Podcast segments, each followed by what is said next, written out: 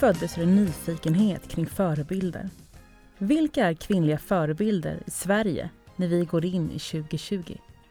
Vilka ser vi upp till, lyssnar till och inspireras utav? Vi har frågat och vi har fått ett svar. Dessa kvinnor har vi träffat för att ta reda på vilka de är och vad som driver dem. Vi har även intervjuat andra kvinnor som vi tycker att fler borde få upp ögonen för. Det här är en intervjupodd med mig, Maria Högberg och kvinnliga förebilder i Sverige.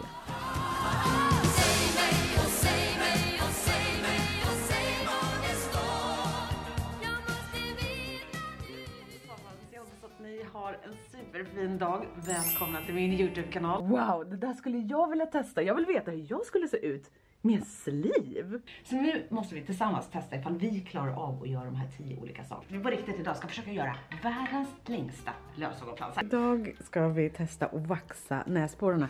Men jag fattar fortfarande inte. Hur fan ska det gå till? Vaxen kommer ju stanna i min näsa. Ska vi dra? Inte än. Det har ens gått en minut. Lugn. Jo, jag drar. Ja.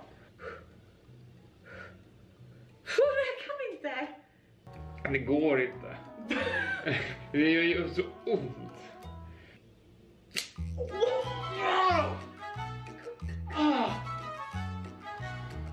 Ah. Det lät. Och det är så mycket hår på den här. Det är mycket hår som helst. Nej men gud! Herre jävlar. Jävlar älskling! Här ser ni min. Therese Jessica Lindgren, född den 15 februari 1987. Hon är uppvuxen i Nynäshamn, som är en kommun i Stockholms län med sin mamma, pappa och lillebror. Båda Theres föräldrar var företagare och hade ett företag tillsammans under hela hennes uppväxt. Hennes pappa har alltid tyckt att hon ska bli företagare. Men för Therese var det tjat och inget som hon då var intresserad utav. När hennes föräldrar bestämde sig för att gå skilda vägar var det även något som gjorde att hon distanserade sig allt mer från dem och en av anledningarna till att hon som 17-åring valde att flytta hemifrån. Direkt efter studenten valde Therese att börja på en event och festfixarutbildning och det fanns ingen tanke på att ta ett sabbatsår och fundera på vad hon egentligen ville göra. Utbildningen bestod till stor del av projektledning och hon fick igenom den förståelse för att hon var duktig på att hålla många bollar i luften genom att hon var så strukturerad. Hon fick även upp ögonen för marknadsföring vilket gjorde att hon senare började studera på Stockholms universitet. Därefter började hon som säljare, vilket var en karriär som gick riktigt bra. Att jobba som säljare med enbart prestationsbaserad lön hade dock en baksida. Det fanns inget stopp och hon blev som en maskin som kunde ha jobbat ihjäl sig. Under den här perioden brottades även Therese med mycket saker inom henne och hon bråkade mycket med sina föräldrar. Och en dag tog energin slut. Therese blev utbränd och sjukskriven hennes bakgrund är dock en av anledningarna till att hon är den person hon är idag och gjort att hon har blivit framröstad till en av de 51 kvinnliga förebilderna i Sverige. Och det är med varm hand som jag hälsar henne varmt välkommen hit. Och grattis till att du har blivit framröstad till en av de kvinnliga förebilderna i Sverige. Tack! Hur känns det? Kul att vara här. Eh, jättehäftigt att bli framröstad till till det. Mm. det. Jag tycker det är svårt just det här med förebild. Eh, jag tror att jag växte upp, jag är född 87, uppvuxen på 90-talet och då pratade man inte så mycket om förebilder. Jag, jag har liksom aldrig fått frågan ifall jag har en förebild när jag gick i skolan eller någonsin pratat om att man borde ha en förebild eller kanske ha någon att inspireras av. Så jag, jag har liksom inte vuxit upp med att ha förebilder och har därför lite svårt att så här, sätta fingret på vad är en förebild och och, och, därför är det också svårt att svara på hur det känns och när, när någon säger att jag är en förebild för någon. Men när du gick i skolan, var det några som du inspirerades utav eller tittade lite extra på? Nej, men alltså tänk dig på 90-talet. Det fanns ju inga sociala medier, det fanns ju tv. Men då var det ju hallåor liksom som mm. satt och presenterade tv-program eller så var det musik och då var det Spice Girls. Mm. Så det, det, fanns ju inte så mycket mer än så, som, i, i min lilla bubbla i alla fall. Mm, mm. Utan då var det de i den direkta närheten, alltså typ mamma. Såg du henne som en förebild? Ja. Mm, på vilket sätt då? På så sätt, jag, jag, tror att det kom lite senare, mina föräldrar skilde sig och då tyckte jag att min mamma tog den skilsmässan bra. Eh, och då fick jag se en, en väldigt stark kvinna som kanske hade varit lite i bakgrunden tidigare i min familj när jag växte upp så var det så här att min pappa han jobbade hela tiden. Mamma tog alltid hand om mig och min lillebror. Alltid hemlagad mat, vet, så här, superlyxigt och, och jätteprivilegierad bakgrund har jag. Eh, men jag trycker nog så här i efterhand att min mamma, precis som väldigt många andra mammor i samma situation, fick inte så mycket cred för det. Mm. Du tog henne för givet lite. Ja, ja, och sen när pappa kom hem då var det liksom lekstuga för nu, nu kom roliga mm. farbrorn hem och då, mm. då, var det liksom roligt när pappa kom för att han var borta så mycket och jobbade så sena kvällar. Mm. Eh, och det, det, var först när jag blev lite äldre, kanske där vid 15-16 som jag började se det. Och det, då, då tänkte jag på, henne som en förebild. På vilket sätt förändrades bilden av henne då när dina föräldrar skildes? Jag tror att då för första gången så såg jag i mig själv att jag hade olika krav och förväntningar på min mamma och min pappa. För det har jag liksom aldrig reflekterat över tidigare att jag har haft. Eh, men det, det blev så tydligt i skilsmässan. Mm. Vilka krav ställde du på din mamma respektive din pappa? Det är allt från, du vet jag har inte haft eh, förväntningar på min pappa att han skulle kunna styra upp ett julfirande eller eh, haft förväntningar på att mamma är hon som ska sköta allting när vi ska resa någonstans. Då är det hon som ska se till att våra kläder är packade, du vet när man var riktigt liten och sådär. Så det var kanske främst så som jag har tänkt. På vilket sätt såg du att hon var stark i den processen? Jag tyckte hon var stark som tog mycket ansvar eh, och också höll ihop allting för oss barn. Känner du en besvikelse för din, din pappas agerande? Nej, inte alls. Verkligen Nej. inte. Eh, utan bara så här, det var stor skillnad mellan hur mm. de två hanterade situationen. Mm. Mm. Men det kan ju också vara en personlighetsskillnad. Liksom. Jag säger inte att det är manligt och kvinnligt just så där i en skilsmässa. Men, eh, men min mamma var säkert, absolut en förebild för mig. Mm. Men nu är du också framröstad som en förebild. Och fast du kanske inte har reflekterat över det tidigare. Men när du får reda på att du är en förebild. Är det någonting som förändras inom dig då? Ja, framför allt så för mig innebär att, eh, att ett stort ansvar.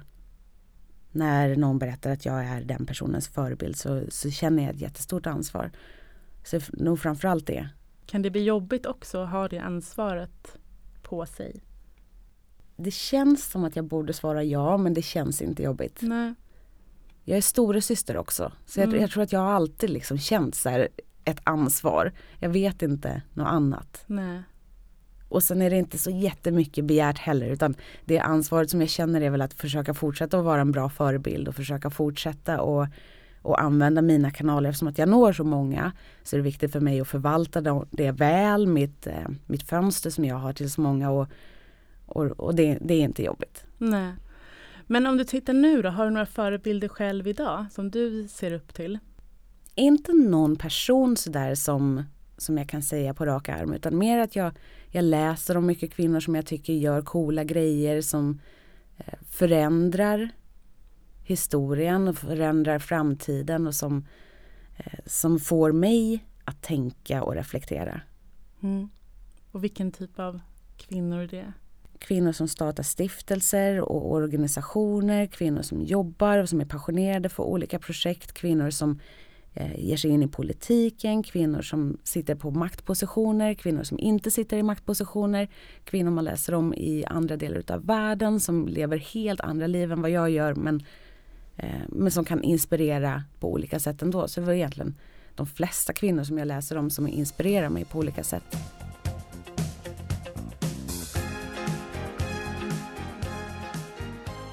När vi genomförde denna undersökning så var det precis som Therese berättar, mamma som fick absolut flest röster. Många har även kommenterat att det inte är så för alla och givetvis så är det så. Och kanske har man då någon annan i sin närhet som fyller den rollen istället. Eller så finns det någon som helt plötsligt genom tv-rutan, mobilen eller surfplattan pratar till en på ett kanske närmare eller på ett helt annat sätt. Som tar upp sina egna problem och som man helt plötsligt känner igen sig i. Den första gången som jag fick höra utav någon att någon tyckte att jag var en förebild det var när jag började prata om psykisk ohälsa. Mm. När jag delade med mig av att jag själv har blivit utbränd och att jag därefter började lida av panikångest. Eh, och då var det att det var många som tyckte att det var att det var bra att jag pratade om något som var stigmatiserat och någonting som man kanske inte pratar om så mycket. Och särskilt inte då, för det här var för fyra, fem år sedan, så var det inte så ofta som folk pratade om det i sociala medier eller media överhuvudtaget. Eh, så kanske, kanske därför att man tycker att jag är en förebild, för att jag pratar om sånt som, som är lite pinsamt. Mm. Eller som man skäms över eller sånt som, är, som det finns stigma på. Mm. Och precis som du säger så var det inte så många som pratade om det här innan. Men hur vågade du göra det? Kom från en plats där jag inte hade så mycket att förlora. Jag hade nästan ingen kontakt med min familj. Jag hade i stort sett inga vänner. Jag hade inget jobb. Jag var sjukskriven. Jag pluggade inte. Jag hade ingen stor Youtube-kanal.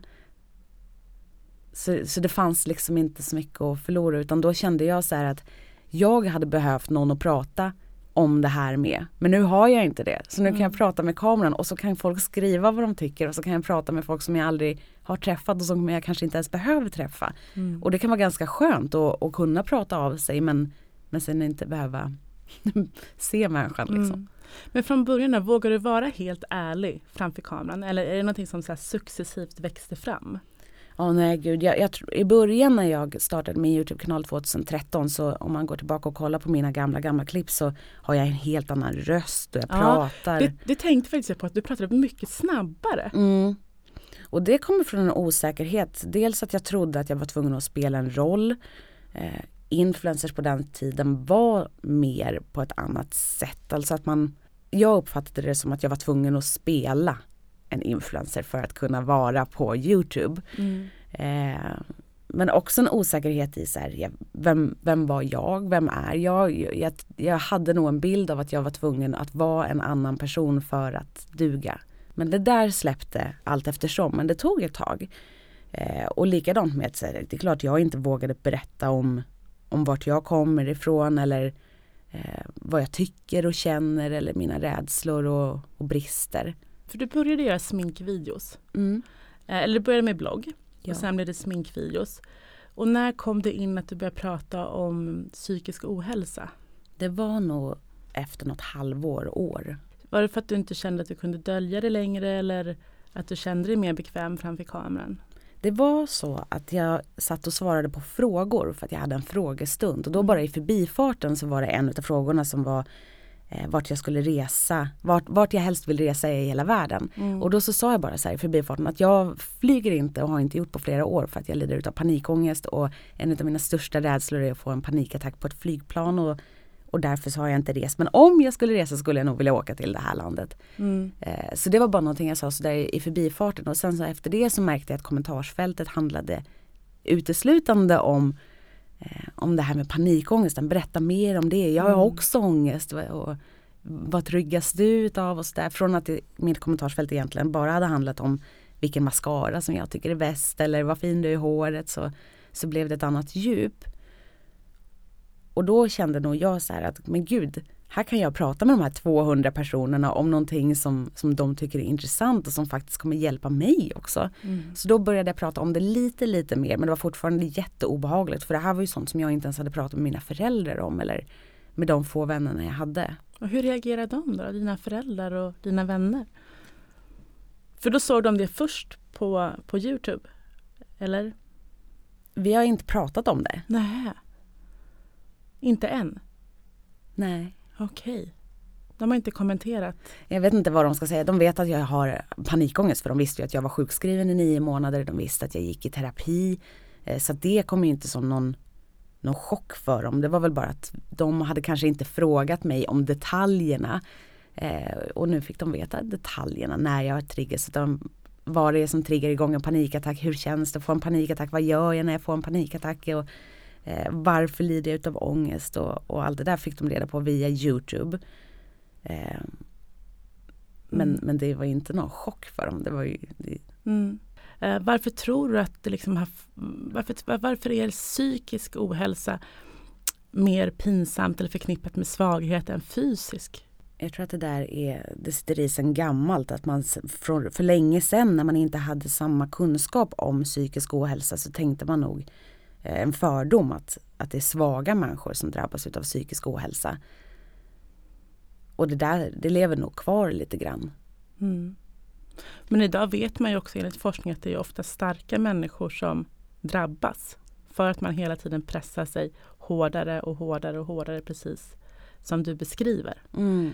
Hur håller du balansen idag då? Framförallt så tror jag att jag håller balansen genom att jag har lärt känna min kropp bättre så att jag kan enklare läsa av när min kropp eh, signalerar saker till mig, alltså när jag har jobbat för mycket och, och jag märker också av mycket, jag lär ju känna mig själv hela tiden precis som alla andra och, och känner av så mycket tydligare nu när jag blir stressad och jag, jag ser mönster och kan analysera min ångest på ett annat sätt. Så, så det är framförallt att jag läser av mig själv bättre. Och vad är de första tecknen som du känner när en panikattack är på väg? Nej men nu för tiden har jag nästan aldrig panikångest. Det kanske kommer en panikattack per år. Mm. Eh, så det, det som jag känner då är för- en panikattack har alltid för mig föregåtts av ganska många veckor utav ångest och, och att jag ska göra någonting som jag är orolig över. Eh, och sen så känner jag att det börjar med problem med andningen och jag börjar känna mig yr och att det sticker i fingrarna och jag känner inte mina tår och sen börjar hörseln bli konstig och jag blir torr i munnen. Eh, så en massa fysiska symptom. Och hur, är själva attacken sen då? Det är att du inte känner eh, att man kan andas? Och... Ja, jag får som dubbla hjärtslag, att det slår jättehårt i bröstkorgen. Och sen är det som att jag sätter två dricksglas för öronen så att ljudet blir, det bara snurrar runt och ekar men är väldigt dovt samtidigt. Mm. Och så svartnar det mycket för ögonen för mig och jag får jätteproblem med andningen, kan nästan inte andas.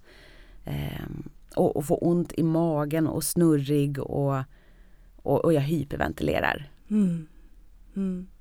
Men händer det någon gång att du får såna här attacker när du varit hemma eller, eller är det mest bland folk?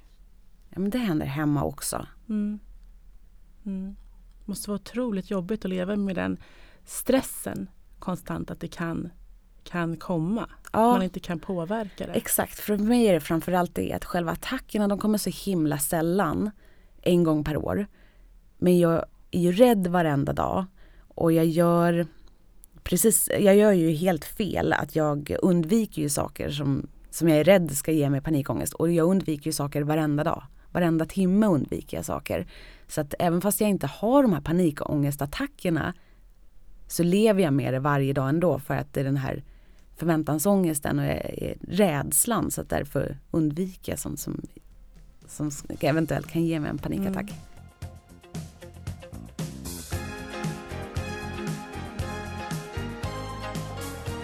Att ständigt leva med stressen över att en panikattack kan komma är precis som Therese beskriver en stress för henne.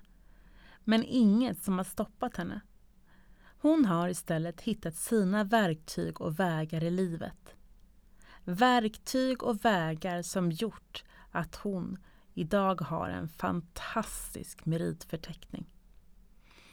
Hon har bland annat mottagit Guldtuben 2015, 2016 och 2018. På Kristallengalan 2016 utsågs hon till årets webb-tv-profil. 2017 fick hon priset Guldråttan av djurrättsorganisationens Djurens Rätt. 2016 debuterade hon som författare när hon släppte sin bok Ibland mår jag inte så bra som behandlar ämnet psykisk ohälsa. Och 2017 släppte hon sin andra bok Vem bryr sig? som beskriver hennes syn på djurrättsfrågor. Därefter lanserade hon en egen serie veganska skönhetsprodukter under namnet Indie Beauty. Hon är även medlem i Mensa. 2018 intervjuade hon partiledarna inför valet och 2019 når hon en miljon prenumeranter på sin Youtube-kanal. Så genom att ta sig själv och sin sjukdom på allvar, våga öppna upp dialogen om psykisk ohälsa och hitta sin egen väg har hon både hjälpt andra och byggt ett lönsamt bolag. 2017 omsatte hon 19,5 miljoner kronor med ett resultat på 17,4 miljoner. I Veckans Affärer kan man läsa att Therese Lindgren i augusti 2019 plockade ut 13,5 miljon i aktieutdelning, vilket är en ofantlig summa och något som är enormt imponerande att ha möjlighet till. Något som också är ofattbart för mig är att hon inte har några anställda när det gäller hennes sociala medier. Hon gör allt själv. Hur hinner hon med? Jag försöker närma mig ämnet men förstår ganska snabbt att hon inte ser på detta på samma sätt som jag gör.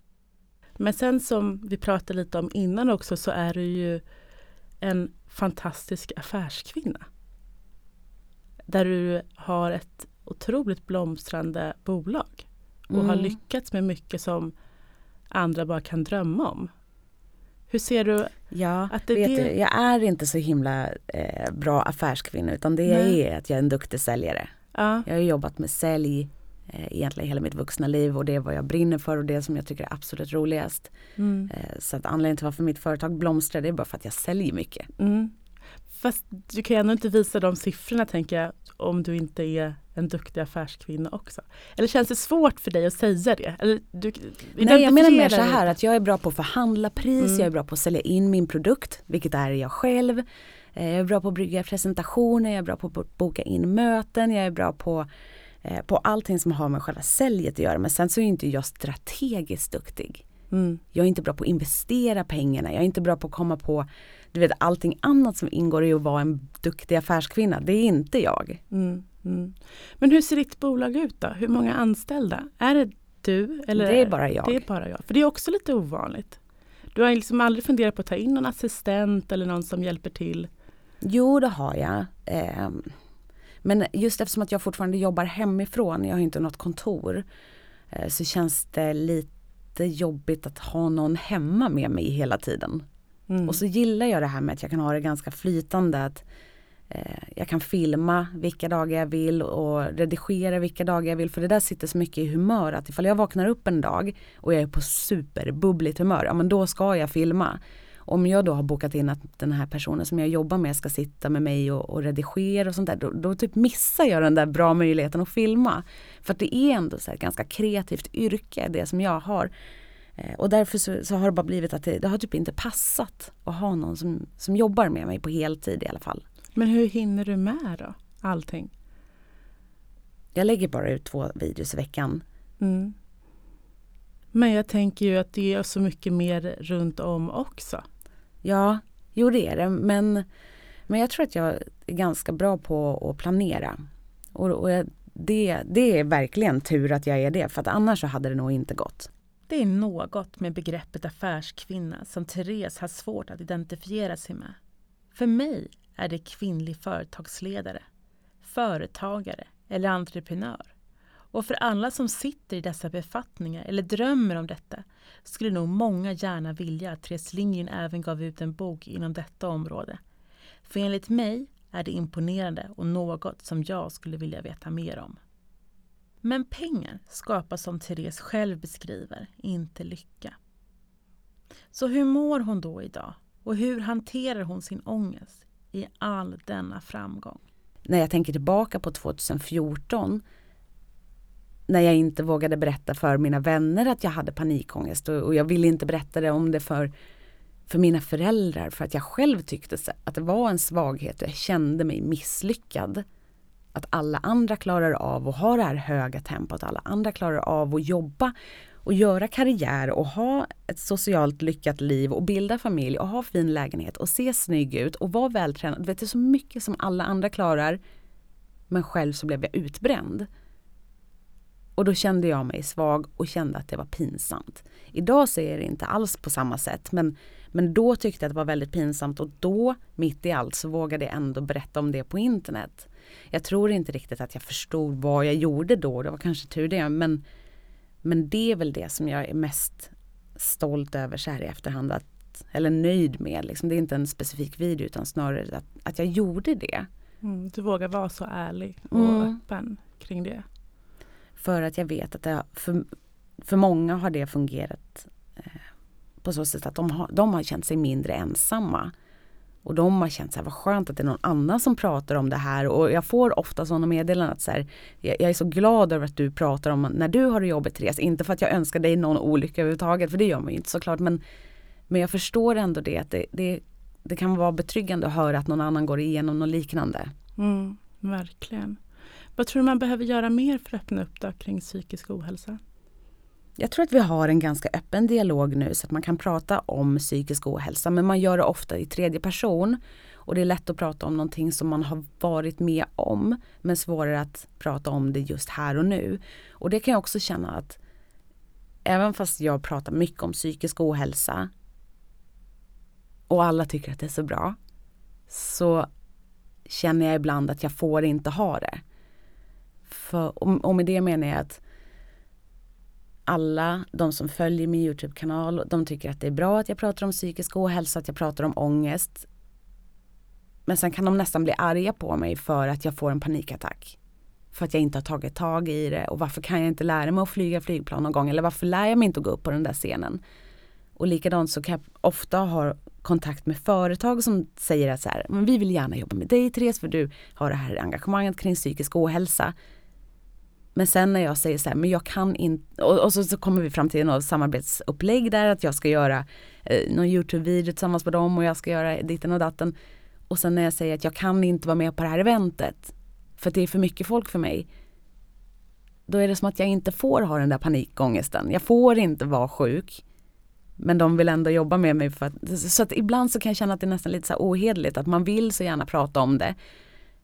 Men sen så accepterar man det inte fullt ut ändå. Eh, Men det där är nog bara så här mognadsfråga. Jag tror att det där kommer lösa sig med tiden. Ja, trots att hon så öppet pratar om det och trots att hon får så mycket positivt utav det så finns inte riktigt acceptansen där fullt ut. Som att det skulle kunna gå att välja. Att det accepteras när det passar. Men om det inte passar, då skulle det kunna vara något som man faktiskt kan pressa sig till. Så visst finns det en bit kvar för oss alla i acceptansen och kunskapen kring ämnet. Men är psykisk ohälsa något som man får och inte blir av med? Eller kan man bli fri från det? Jag vet jättemånga som har blivit fria från det så att det går Mm. absolut. Eh, Men själv så vet jag att jag har ju blivit en annan person eh, på många sätt som har varit bra för mig. Jag tror att, jag tror att ångesten och panikångesten tog ner mig lite grann på jorden på så sätt att jag blev mer ödmjuk och, och själv fick en annan bild utav psykisk ohälsa. För jag har ju själv haft jättemycket fördomar. Eh, och precis det som jag nämnde, att jag tänkte att, det var, att jag var svag som inte klarade. Eh, så jag fick verkligen lära mig den hårda vägen och det var kanske meningen. Eh, men om man tittar då på, på Youtube, vad är det vi inte får se utav dig? Just nu så är jag inte sådär superpersonlig på så sätt att jag pratar ju aldrig om min och Anders relation. Jag pratar aldrig om mina vänskapsrelationer. Jag har aldrig riktigt berättat om min barndom, vart jag kommer ifrån eller hur min uppväxt var. Eh, Så att jag, jag är inte sådär superpersonlig på så sätt. Men just nu så känner jag att det är inte riktigt vad mina tittare vill ha heller.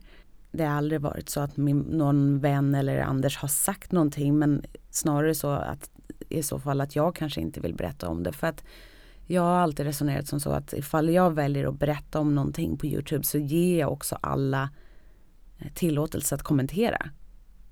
Då, får, då ger jag ju dig möjligheten att säga nu får du tycka och tänka om, det, om det som jag går igenom. Och det är inte jag alltid sugen på. Nej. Men Anders är ändå med ganska mycket i dina videos. Tycker han att det är roligt? Ja, han tycker att det är roligt i efterhand men Ja. han tycker att det är tråkigt när jag filmar. Mm. Men är det så att du liksom bara tar fram kameran eller är det att ni planerar innan eller hur? Hur kommer han in i filmen? Ja, nej, nej, vi planerar ingenting innan utan han bara är där. Han bara är där Ja. när du filmar. Ja, För han har ju också blivit känd nu. ja nej, tycker Nej. du? Tyck, tycker du det? Nej. Inte om man jämför sig med dig kanske men blir han igenkänd på, på gatan och så? Ja men gud absolut. Mm. Vad tycker han om det då? Nej, men han är bara jättestolt, han är mitt största fan och, och, och blir bara jätteglad för att när folk känner igen honom så säger de må många gånger att han ska häl hälsa till mig. Mm. Eh, så han blir bara glad. Under de senaste åren har Therese även pratat mycket om veganism och varför hon har valt att bli vegan. Hon har även skrivit en bok som heter Vem bryr sig? som är en uppmaning till oss alla att börja bry oss. Om oss själva, hur vi lever och vad vi äter. Och inte minst om djuren. Djuret är en hjärtefråga för Therese och hon skildrar här hur det gick till när hon blev medveten om djurens situation och stegvis blev vegetarian och senare vegan. Det är en personlig berättelse om ett uppvaknande och även en introduktion till ett djurvänligare liv. Okej, alla människor kanske inte vill bli veganer, men var och en kan hitta sin grej att engagera sig i. Det handlar om hur man vill leva sitt liv, vad som är viktigt för en själv. Klyschan stämmer ju. Ingen kan göra allt, men alla kan göra något. För allt hänger ihop och det gäller att ta ansvar och orka bry sig, säger Therese. Vi är glada över att Therese bryr sig och när det handlar om att bry sig kommer vi också in på ämnet jämställdhet, vilket är ett ämne som ligger oss båda varmt om hjärtat. Jag tror att vi behöver ta ett grepp om männen eh, och utbilda dem ifall de inte kan det själva. För att jag tror att vi, jag tror att många har fått, att man ser o, det, vad som inte är jämställt. Man ser ojämlikheter, man ser att det är olika krav och förväntningar som ställs på olika kön. Eh, och det är första steget. Men sen att göra någonting åt saken, då, hjälp, då räcker det inte att vi är ensamma utan det behövs liksom att, att vi alla är med på samma tåg. Mm, mm. Det ska också bli intressant för vi har ju nu publicerat den här listan. Eh, och jag tror också det ska bli intressant att se hur många män som engagerar sig i den. Om det är främst Mm. kvinnor eller om det också får med männen Ja. i, i att lyfta de som vi vill lyfta upp nu under 2020. Ja. Jag skulle gissa att det är noll män som kommer engagera sig. Men jag har Mm. också väldigt låga förväntningar på män.